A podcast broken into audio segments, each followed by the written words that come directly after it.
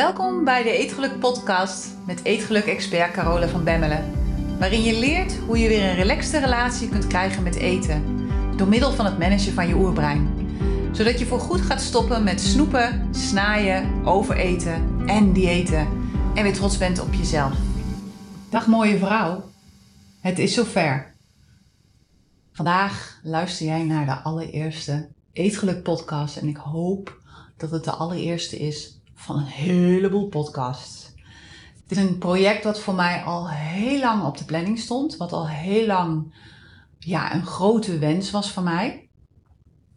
En wat ik twee jaar voor me uit heb geschoven. Maar goed, inmiddels heb ik mezelf beloofd dat voor eind van dit jaar de podcast live gaat. Dus niet langer meer uitstellen, maar gewoon gaan doen. Ik heb het nog nooit gedaan. Dus ik denk dat ik het wel kan. Welkom, welkom. Leuk dat je luistert. Mijn naam is Carola van Bemmelen. En waarschijnlijk ken je me al wel, misschien ook niet. En in deze podcastaflevering ga ik mijn verhaal met jou delen. Ik ga met jou delen ja, hoe het eigenlijk allemaal zo gekomen is dat ik doe wat ik doe, dat ik ben wie ik ben. En ja, ik ga ook mijn struggles en mijn strijd met je delen. En ik denk dat je daarin misschien wel dingen zult herkennen. We lijken uiteindelijk meer op elkaar dan dat we zelf willen en zelf denken. Ik ben auteur van acht boeken inmiddels, acht bestsellerboeken. Nou, niet allemaal. De meeste zijn bestsellers geworden, een aantal ook niet. En dat zijn acht boeken over voeding, gezondheid en leefstijl. Ik ben orthomoleculair voedingscoach. Ik ben epigenetisch coach. En ik ben life coach. En met name dat laatste, ja, vind ik echt super gaaf. Omdat je daarin ja, het hele leven kunt omarmen en alle facetten van het leven aan bod komen. In mijn eigen zoektocht, die begon vanaf mijn ongeveer 16e jaar, ben ik eigenlijk uh, bijna 30 jaar lang van dieet naar dieet gegaan. Ik was chronisch ontevreden met mijn lijf. Ik had het uh, ja, poldermodel qua figuur. En als ik nu foto's terugkijk uit die tijd, dan ja, denk ik echt van, goh, zo erg was het toch helemaal niet. Maar goed, in mijn hoofd was ik ontzettend dik en moest er echt wel wat af. En ik was chronisch ontevreden met mijn lichaam. Ik was ook altijd in gevecht met mijn lichaam. En vanuit daar is eigenlijk mijn interesse in voeding en gezondheid en ja, wat je kunt doen om gezond te blijven gewekt. ik ben op mijn zestiende begonnen met het brooddieet. Dat was op dat moment heel erg hip. De meeste mensen die van mijn generatie zijn, bijna 50, die herkennen dat waarschijnlijk wel. dat was één dag droog brood eten en één dag gewoon normaal eten. Nou, droog brood vind ik gewoon echt niet lekker. Het gaat mij eigenlijk ook helemaal niet om het brood, maar het gaat mij om wat erop zit. Misschien ken je dat wel. Dus ja, dat was heel snel klaar. Volgens mij heb ik dat twee dagen volgehouden, drie dagen misschien, twee brooddagen en twee gewone dagen. En toen dacht ik, nou, dat gaat niet worden. Vervolgens um, heb ik de uh, ziekenhuissoep geprobeerd. Dat was een soep die werd voorgeschreven aan mensen die een operatie moesten ondergaan. En die eerst nog een paar kilo af moesten vallen. Dus dat was vijf kilo in één week, garantie. Nou, die soep was zo smerig dat ik dacht van ja, het is ook niet gek dat je daar vanaf gaat vallen als je gewoon niet te eten. Dus ja, dan eet je gewoon vijf dagen niks. En dan wil dat natuurlijk wel. Nou ja, zo ben ik eigenlijk van het een in het ander gerold. Ik ben uh, bezig geweest met Fit for Life. Ik ben bezig geweest met Herbalife. Ja, dat is ook zo'n verhaal. Iedereen viel er vanaf, ik niet. Iedereen uh, had geen honger meer, ik niet. En met name de de repen, die vond ik erg lekker. Dus zo'n doos waar je dan twee weken mee moest doen, had ik in twee dagen wel, ja, wel op, denk ik zo ongeveer. Maar ja, ik moest wel, want ik had gewoon hartstikke honger. En het was mij verteld dat dat een heel gezond alternatief was voor als je honger had. Nou, ik ben eigenlijk, um, ja, wanneer was het? Eind 30, denk ik. Half eind 30. Ik was 6, 37 dat ik dacht van ja, dit moet anders kunnen. En op dat moment ging ik bij een sportschool werken. Ik had een bedrijf gehad. Het bedrijf is uh, helaas failliet gegaan. En ik moest natuurlijk gewoon werken ehm, voor mijn schuldsaneringstraject. Dus ik ben bij een sportschool terechtgekomen en daar zochten ze nog iemand die mensen wilde helpen met voedingsadviezen. En ik werkte daar destijds als receptioniste. En mijn baas die kwam naar me toe en die vroeg aan mij van... Goh, Corolla, ken jij nog iemand, weet jij nog iemand die mensen kan helpen met voedingsadviezen hier? Ik zei ja, dat ben ik. En toen zei hij ja, zegt hij, maar heb je dan een opleiding gedaan? Ik ja, ik heb heel veel opleidingen gedaan. Heel veel gedaan op het gebied van voeding. Ja, zegt hij, maar ik zoek eigenlijk een diëtiste. Ik zeg, nou, dat ben ik niet. Ik zeg, ik heb nog wel ergens een map met de opleiding voor gewichtsconsulent in de kast liggen. Dus dat zou eventueel nog kunnen. Maar iets anders uh, heb ik niet gedaan. Dus hij zei, nou ja, oké, goed. Pak dan maar die map van gewichtsconsulent. Heb je daarvoor een diploma? Nou, dus niet, want ik had die map na twee pagina's in de hoek gedonderd. En denk, ja, denk calorieën tellen, letten op vet, light producten. Dat is gewoon niet hoe ik wil werken met mensen. En, maar goed, ik denk, ja, nou ja, als ik dan een papiertje moet hebben, is dit het meest makkelijke. Dus ik zei, nou, weet je, ik ga gewoon dat examen wel doen en dan uh, ga ik hier wel mensen adviseren.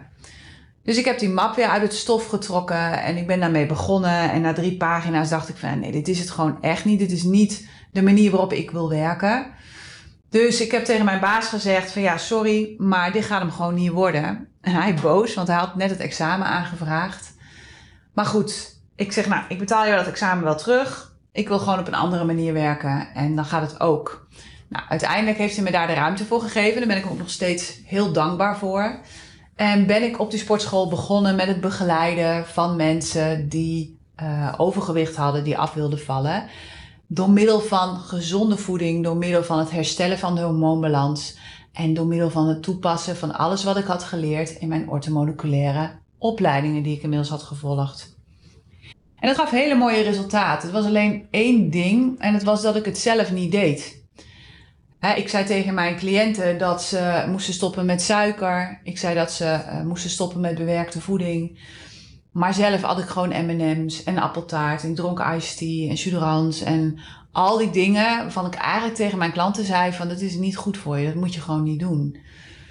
Toen dacht ik van ja, hier klopt iets niet ik moet het zelf ook gaan doen. Als ik het aan mensen adviseer, dan moet ik in ieder geval gaan onderzoeken wat het met mij doet als ik het laat staan. Zodat ik vanuit eigen ervaring dat advies kan geven.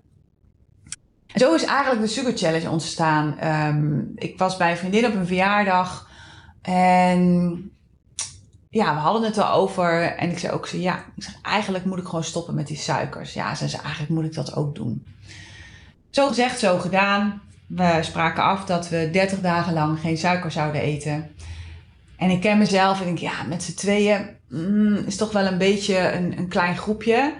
Misschien moet ik een oproep doen op Facebook. Hè? Vragen of ik nog ja, vier of vijf mensen erbij kan krijgen en dat we het gewoon samen kunnen doen. Dus ik deed een oproep op Facebook en ik denk, nou, misschien krijg ik nog drie of vier mensen erbij. Maar dat werden er 350. En zo is eigenlijk de allereerste Sugar Challenge gestart. Met die 350 mensen zijn we op 1 juni 2012 begonnen met 30 dagen geen suiker, 30 dagen geen snelle koolhydraten, 30 dagen geen bewerkte voeding. Ja, en wat daar gebeurde, dat was echt bizar. Want binnen twee weken stroomde mijn mailbox over van mails van mensen ja, die fantastische resultaten daarmee behaalden. He, ik kreeg mensen uh, die al jaren uh, met psoriasis liepen, waarvan de psoriasis minder werd. Mensen waarvan de bloeddruk weer genormaliseerd was. Mensen die chronisch migraine hadden, die hoofdpijnkliniek in en uit wandelden al 30 jaar lang en die nu ineens geen hoofdpijn meer hadden. Uh, mensen die kilo's afvielen. Mensen die uh, diabetes waren en die gewoon veel minder medicatie nodig hadden. Nou ja, de lijst was eindeloos, eindeloos, eindeloos. En ja, ik keek ernaar en ik dacht, wauw. Ik denk, als ik hier al mensen mee kan helpen, hoe gaaf zou het zijn als ik nog meer mensen kan bereiken. Nou, toen werd ik gebeld door de plaatselijke radio, Optimaal FM, Omroep Gelderland, kwam daar vlak achteraan. En daar heb ik een interview gegeven en vanuit daar begon het eigenlijk allemaal, ja, op gang te komen. De Telegraaf die belde. En op een gegeven moment zei iemand tegen mij van... Goh, kun je daar geen boek over schrijven? En zo is het allereerste boek begonnen. Hè, 100% suikervrij in 30 dagen. En je moet je voorstellen dat ik op dat moment de huur van mijn huis niet meer kon betalen. ik had ontslag genomen bij de sportschool. Want ik had zoiets van, ja, ik begeleid een aantal mensen op het gebied van voeding. Maar dat was toch net nog te weinig. En in combinatie met een uitkering kon dat nog wel een paar maanden. Maar op een gegeven moment hield die uitkering op. En ik stond gewoon voor een maand dat ik dacht, ja, hoe ga ik nu de huur betalen? Nou, een lieve vriendin heeft mij toen uit de brand geholpen. En uiteindelijk, na twee maanden, um, ja, had ik mijn eerste suikervrije programma ontwikkeld. Mijn eerste Challenge ontwikkeld. En vanuit daar kon ik ineens weer de huur betalen. En ja, dat is steeds verder gegroeid. Nou goed, de rest van het verhaal ken je. Er zijn nog zeven boeken gevolgd na dat eerste boek. En een aantal van die boeken zijn echt regelrechte bestsellers geworden. En suiker uh, kwam op de agenda te staan uh, van het kabinet, van allerlei instanties. En in eerste instantie werd ik nog verguisd om wat ik deed. Maar inmiddels volgt uh, Diabetesfonds heel veel richtlijnen die ik al veel langer daarvoor heb gegeven. En doen zij ook zelfs een suikerchallenge met heel veel van hun patiënten. Nou, hoe cool is dat? Nou, tot zover die Sugar Challenge. En dat ging eigenlijk super goed zolang ik alleen woonde. Maar op een gegeven moment kwam ik mijn huidige man tegen. En wij gingen trouwen en wij gingen uh, samen in Duitsland wonen. Want zijn kinderen en zijn ex-vrouw die woonden daar ook. En ik wilde gewoon dat ja, hij met zijn kinderen het contact zou houden. Hij wilde ook wel naar Nederland, maar ja, die afstand was gewoon te groot. Maar ja, Duitsland is het land van koegen. Het is het land van uh, Duitse broodjes. Het is het land van chocola. Kortom, het is het land van suiker. En ik wilde ook niet gelijk de suikervrije stiefmoeder op de bezem zijn. Hè? Dus daar moest ik een balans in zoeken. En dat vond ik heel lastig. En het gevolg was eigenlijk dat ik weer een beetje terugviel in mijn oude eetgedrag. En um, dat ik het heel moeilijk vond om die suikervrije, ja, dat ritme weer op te pakken. En datzelfde zag ik ook bij heel veel van mijn, mijn cliënten gebeuren. Dat ze wel tijdens een sugar challenge, die 30 dagen, heel goed suikervrij konden eten en leven. Maar zodra de sugar challenge was afgelopen, dan vielen ze eigenlijk weer terug in hun oude gedrag. En dat zie je natuurlijk ook in dieetland gebeuren. Je begint vol enthousiasme met een dieet. Eerste paar dagen, eerste paar weken gaat dat goed. En op een gegeven moment gebeurt er iets waardoor je uh, ja, toch weer teruggaat naar je oude gedrag. Of je valt wel af, maar binnen een jaar heb je je oude gewicht weer terug. En wat is nou het mechanisme wat daarachter zit? Dat vond ik interessant, want ik had zoiets van ja, als dit gebeurt bij mij en het gebeurt bij mijn cursisten, dan mis ik nog een belangrijke sleutel in mijn programma. En want ik wil dat mijn programma helpt, dat mensen niet afhankelijk blijven van mij, maar dat ze door het programma te volgen uiteindelijk hun succes behalen en dat blijvend kunnen behouden. Dat is natuurlijk wat ik wil. Dus ik ging verder zoeken en uiteindelijk kwam ik terecht bij ons oerbrein. En ons oerbrein is het diepste gedeelte van ons brein, is het instinctieve gedeelte van ons brein. Je zou kunnen zeggen, het is de harde schijf van je brein. En ons oerbrein is de baas van alles wat we doen. Waaronder dus ook ons eetgedrag. het is de baas van hoe jij je gedraagt. Het is de baas van hoe jij denkt. Het is de baas van de resultaten die je behaalt in je leven. Nou, en als het gaat over eten, dan is je oerbrein gemaakt om te eten. Want je oerbrein heeft eigenlijk maar één taak en dat is om ervoor te zorgen dat jij overleeft. En het is om ervoor te zorgen dat de soort overleeft, dus dat je je voortplant. En daarom is het ook zo gespitst op eten. Want eten heb je nodig om te kunnen overleven. Eten is brandstof voor je lichaam. Je oerbrein houdt dus van eten en het houdt absoluut niet van diëten. En daar komt bij dat voeding die in je brein een hoge beloning geeft, zoals bijvoorbeeld suikers en bewerkte voeding, dat dat voor je oerbrein een signaal is dat die voeding heel erg goed voor je is. Dus dat je daar juist meer van moet hebben. Dus des te belonender een bepaalde voeding is in je brein, of des te belonender een bepaalde stof is in je brein. Hè. Dat geldt ook voor alcohol, geldt ook voor roken, geldt voor shoppen, geldt voor gokken, geldt voor tv kijken, al dat soort dingen zijn enorm belonend in je brein. En daardoor denkt je oerbrein dat het heel belangrijk voor je is om te overleven. Dus daar waar ik altijd gedacht heb dat ik een gebrek had aan wilskracht, ik heb altijd gezegd dat ik de wilskracht heb van een klapdeur, heb ik eigenlijk gewoon alleen maar een oerbrein. En ik heb een oerbrein dat opperbest functioneert. Ik heb een oerbrein dat mij in de oertijd ontzettend goed geholpen zou hebben om te overleven. Misschien wel beter dan al die mensen die niet met eten bezig zijn. En over deze inzichten, want daar gingen ineens een heleboel lampjes bij mij aan, schreef ik een nieuw boek en het boek heet De Gelukkige Eter. Het is een aantal jaren geleden is dat gepubliceerd. En in dat boek beschrijf ik de werking van je oerbrein en beschrijf ik het effect van suiker en bewerkte voeding op je eetgedrag. daardoor heb ik eigenlijk de focus op de suikervrije leefstijl veel breder getrokken. Het is nog steeds een belangrijk onderdeel van het werk wat ik doe. Maar het is niet meer alleen waar het over gaat. Het gaat eigenlijk veel meer over de reden waarom je eet. En niet over wat je eet, maar over waarom je eet. Want de reden waarom je eet, die bepaalt uiteindelijk wat je eet. als jij eet omdat je jezelf ongelukkig voelt, zul je niet kiezen voor wortels. Maar als jij eet omdat je echt honger hebt, omdat je lichaam behoefte heeft aan brandstof, dan ineens is die keuze voor wortels of een salade een hele logische. Dus uiteindelijk gaat het erom waarom je eet en niet om wat je eet. En dat is wat ik nu leer aan vrouwen.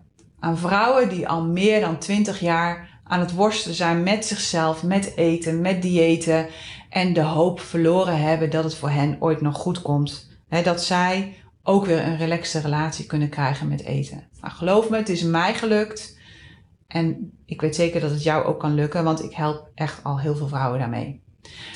Ik doe dat in de Eetgeluk Universiteit. De Eetgeluk Universiteit is de Netflix op het gebied van eetgedrag. Daarin vind je allerhande masterclasses en cursussen waarin ik ja, uitleg hoe je oerbrein werkt, waarin ik het effect van eten op je oerbrein uitleg. Waarin ik je leer hoe je jezelf kunt coachen in lastige situaties. Waarin ik je um, ook leer hoe je je leven kunt vormgeven zoals jij dat graag wil. Dus eigenlijk, ja, we beginnen met eten, maar we eindigen met het creëren van jouw beste leven voor jezelf. En in deze podcast wil ik je wekelijks een eetgeluk moment bieden. Ik wil je wekelijks gaan inspireren op het gebied van een relaxe relatie met eten. Ik wil kennis en inzichten met je gaan delen. Ik ga ervaringen met je delen van studenten. Ik ga vragen beantwoorden en ik ga eigenlijk al die dingen bespreken die belangrijk zijn voor het creëren van een relaxe relatie met eten en het stoppen met diëten, het stoppen met vechten met jezelf, het stoppen met ja, strijden met je lichaam. Want dat ga je namelijk niet winnen.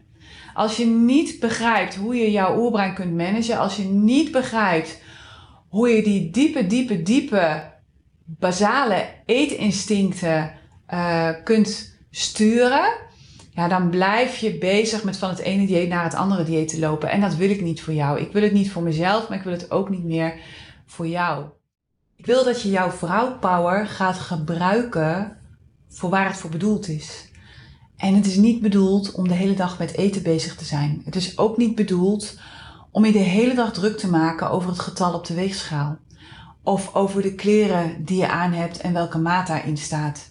Jouw vrouwpower is bedoeld voor heel andere dingen dan dat. En wat ik wil voor jou is dat je aan het eind van je leven niet denkt van, oh, had ik maar wat minder tijd besteed aan diëten en gedoe met eten. Maar dat je aan het eind van je leven terugkijkt op jouw beste leven ooit. Op een leven dat jij zelf hebt gecreëerd. Op de bijdrage die jij hebt geleverd aan jouw leven, aan de wereld, aan de mensen om je heen. Vanuit alle vrouwpower die je vrij hebt gemaakt. Doordat je bent gestopt met focussen op eten. Doordat je bent gestopt met van het ene dieet naar het andere dieet rennen. Doordat je jezelf weer hebt omarmd zoals je bent. En doordat je iedere dag opnieuw de keuzes hebt gemaakt die jou hebben geholpen om de beste versie van jezelf te worden. Iedere dag opnieuw. Dat is wat ik voor jou wil. En dat is waarmee ik je in deze podcast ga helpen. Ik ga jou dingen delen, kennis delen die ik heb. Ik ga je ervaringen delen die ik heb. En ja, ik hoop dat je met deze kennis, met deze ervaring zelf een begin kunt gaan maken in het voorgoed loslaten van diëten, in het voorgoed loslaten van de focus op eten en daar weer in kunt gaan relaxen. Laten we dat gaan doen met elkaar. Ik wens je nog een hele fijne dag. En ja, zeg tegen iedereen dat deze podcast er is. Daarmee help je mij enorm om mijn boodschap te vertellen. Maar daarmee help je me ook enorm om mijn doel te bereiken. Mijn doel is dat alle vrouwen in Nederland gaan stoppen met diëten. En hun vrouwpower gaan gebruiken voor dingen die er echt toe doen. Dus zeg het voort. Pak de informatie op die ik met je deel. Ga daarmee aan de slag. En dan uh, horen wij elkaar volgende week weer. We spreken elkaar volgende week. Tot dan.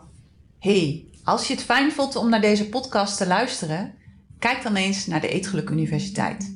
Dit is de Netflix op het gebied van eetgedrag, waarin ik dieper inga op alles dat ik deel in deze podcast.